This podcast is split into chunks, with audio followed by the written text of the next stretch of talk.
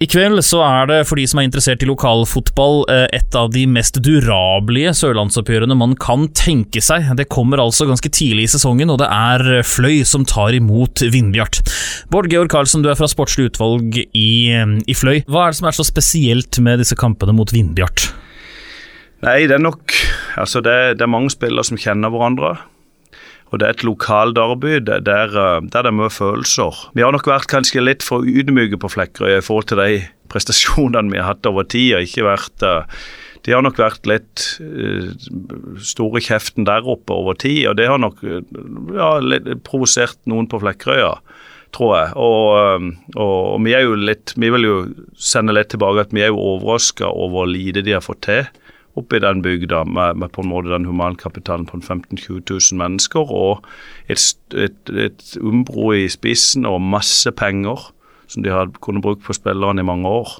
Vindbjart-trener Steinar Skeie, hva tenker du om, eh, om eh, påstanden om at man har kanskje vært litt for ydmyke på Flekkerøya kontra i Vennesla? Har dere vært litt for breiale der oppe i, i begynnelsen av dalen? Nei, de kommer jo så mye rare uttalelser fra den kanten. Uh, på, altså. Jeg syns ikke vi har vært uh, for store i kjeften på noen som helst måte. Jeg syns vi er ganske ydmyke her oppe. Så vi får bare prate om, om, hva jeg syns om oss, og så, så får de styre med sitt der ute, tenker jeg. Hva er det som gjør denne kampen så, så, så, så spennende? Nei, For det første så er det alltid tett oppgjør, stort sett. Det er jo sånn litt, uh, litt øya fiskerne mot bøndene. Altså, det har jo vært mange tette og tøffe oppgjør opp gjennom årene. da.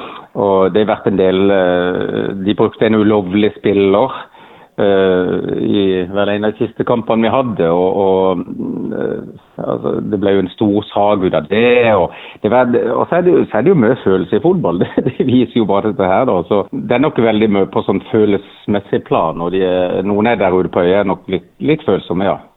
Kanskje overfølsomme. Jeg vet ikke.